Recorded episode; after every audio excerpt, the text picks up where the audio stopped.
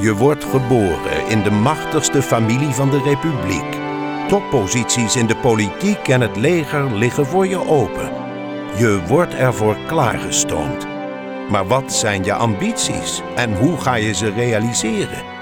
Het is de tijd van de oorlogen tegen Spanje, tegen Engeland, tegen Frankrijk. En dit is het verhaal van Willem van Oranje, Maurits, Frederik Hendrik, Willem II, Willem III en Johan Willem Frieso. En de keuzes die zij maakten tussen hun dynastie en het landsbelang. Dit zijn de Oranjes.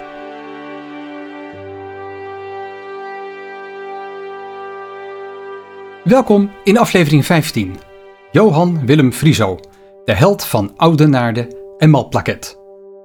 We zagen in Johan Willem Frieso het einde van de dynastie dat hij, nu de directe mannelijke lijn van Willem van Oranje was uitgestorven, op 14-jarige leeftijd een hele stapel kastelen, titels en domeinen erfde. Althans, volgens het testament van Willem III. Ook zagen we dat de derde oorlog tegen de zonnekoning was uitgebroken. Over deze zogeheten Spaanse successieoorlog bel ik straks met David Onnekink. Hij studeerde onder andere in Londen en is specialist in de vroegmoderne geschiedenis van internationale betrekkingen aan de Universiteit Utrecht. Nu eerst over de erfenis van Willem III. De koning van Pruisen vond dus dat hij er meer recht op had, want zijn vrouw was een kleindochter van Willem van Oranje. De koning stuurde meteen zijn gezant naar de Staten-Generaal en hij nam alvast wat kastelen in bezit. De Staten-Generaal waren testamentair executeur en durfde het testament van Willem niet uit te voeren, want de koning leverde altijd veel soldaten voor de coalities tegen Lodewijk. Hij dreigde daarmee op te houden als hij zijn zin niet kreeg.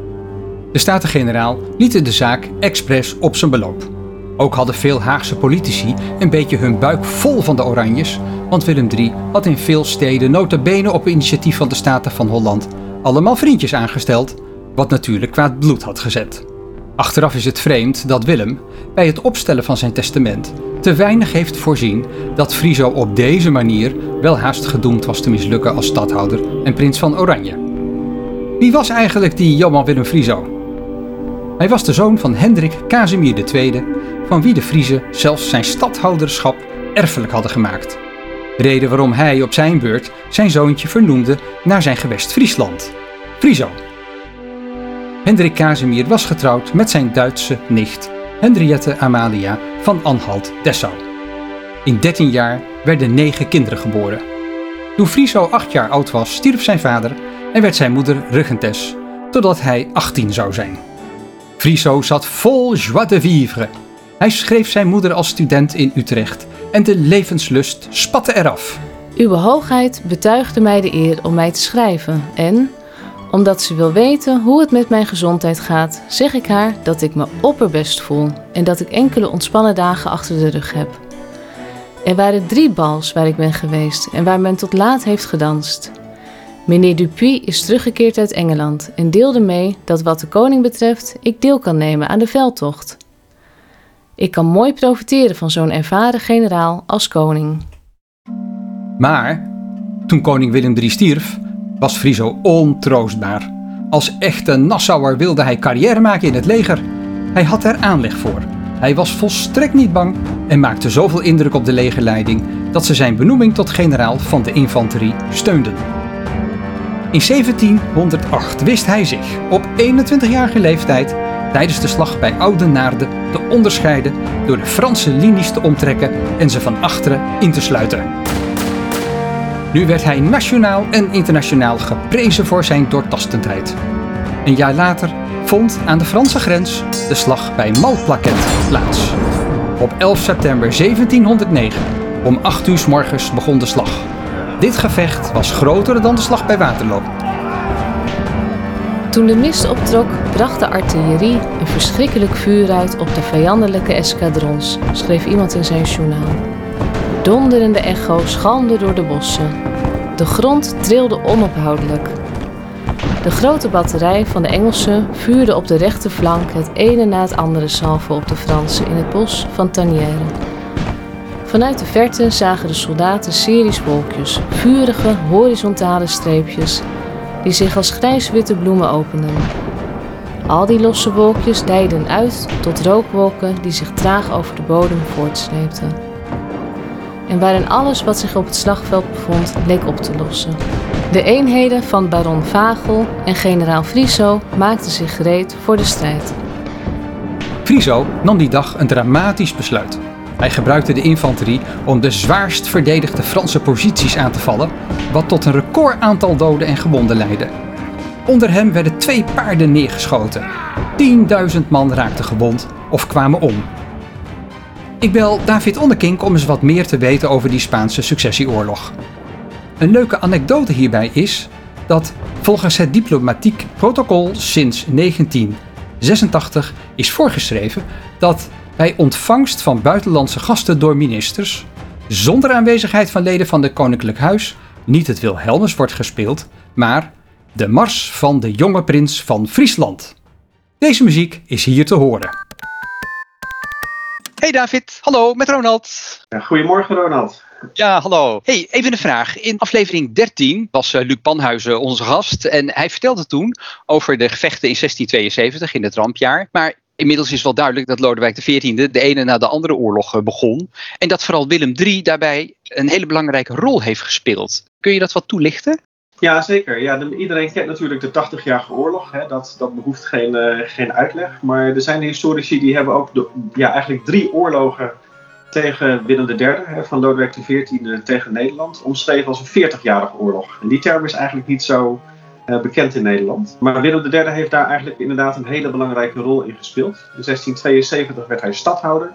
En eigenlijk tot zijn dood in 1702 is hij ja, eigenlijk de spil geweest van een internationale coalitie tegen Lodewijk XIV. Jongen, nou dat is wel heel bijzonder. Ik denk dan bij mezelf, als Lodewijk uh, keer na keer weer aanvalt, dan had hij zeker het idee dat hij wel kon winnen. Want het lijkt me dat je anders niet uh, de aanval inzet. Ja, dat zou je zeggen. En dat is wat vaak ook door Nederlandse en vooral Engelse historici ook gezegd is. Het is wel zo dat de laatste 10, 20 jaar historici daar iets anders over zijn gaan denken. Oorlogen zijn wat complexer. En voor het rampjaar is het denk ik evident dat Lodewijk ja, de aanval heeft ingezet. Maar voor de oorlogen die daarna kwamen, in 1688 en 1702, kan je je afvragen of je daarbij de schuld helemaal bij Lodewijk XIV kan leggen. In mijn eigen boek probeer ik een beetje tegen dat beeld te schoppen. Hè. Dat past natuurlijk heel erg bij ons Nederlands beeld van ja, wij zijn klein en wij worden altijd aangevallen. Uh, maar bijvoorbeeld voor de Spaanse successieoorlog is Nederland eigenlijk de oorlog begonnen. En Engeland ook wel met het uh, in de oorlogsverklaring staat: wij moeten deze oorlog beginnen omdat Frankrijk een gevaar begint te worden. Maar Frankrijk heeft geen feitelijke oorlogshandeling verricht. Dus het verhaal over 1702, de Spaanse successieoorlog, is misschien iets genuanceerder dan wij altijd hebben gedacht. David, ik denk dat de gemiddelde luisteraar die heeft geen idee waar zo'n oorlog om ging. Waarom ging het eigenlijk in die Spaanse successieoorlog? Ja, het ging eigenlijk om twee dingen. Ten eerste heb je een soort dynastieke verdeling van Europa. Hè? Dus, dus vorsten krijgen kinderen en kinderen erven de troon. En daarom heet het ook Spaanse successieoorlog. Uh, dus de Spaanse successieoorlog ging over de erfenis van Spanje. De koning van Spanje overlijdt in 1700. Hij heeft geen kinderen. Wie krijgt de erfenis? Hè, voor ons natuurlijk een hele gekke gedachte dat je een rijk kan erven. Maar dat past wel in de vroege tijd. Hij wijst dan de kleinzoon van Lodewijk XIV aan. En de andere landen in Europa, en dat is dan eigenlijk de tweede reden, die denken van ja, maar misschien is het juridisch wel correct, klopt het testament wel. Maar dat kan natuurlijk niet. Het kan natuurlijk niet zo zijn dat de Fransen het hele Spaanse Rijk erven. Want dan wordt Lodewijk XIV verreweg de machtigste vorst in heel Europa. En dan zie je uh, iets ontstaan dat in de eerste instantie accepteren uh, Nederland en Engeland die erfenis. Totdat ze zich realiseren dat Lodewijk XIV inderdaad zich enorm gaat bemoeien met Spanje en dat het eigenlijk twee handen op één buik zijn. En dan zeggen ze van het gevaar is nu te groot, we moeten eigenlijk ingrijpen. Als je er wat dieper over nadenkt, dan betekent dit dat het een hele fascinerende periode in de Europese geschiedenis is. We zien eigenlijk een overgang van een soort middeleeuws beeld van prinsen en vorsten die stukjes land erven en van elkaar afpakken, naar een heel modern beeld. We hebben moderne staten. En een staat moet bedenken van ja, wie willen wij als leider hebben en ja, hoe organiseren wij onze internationale betrekkingen. Het jaar 1700 is een van de meest fascinerende jaren uit de vroegmoderne tijd, is mijn these.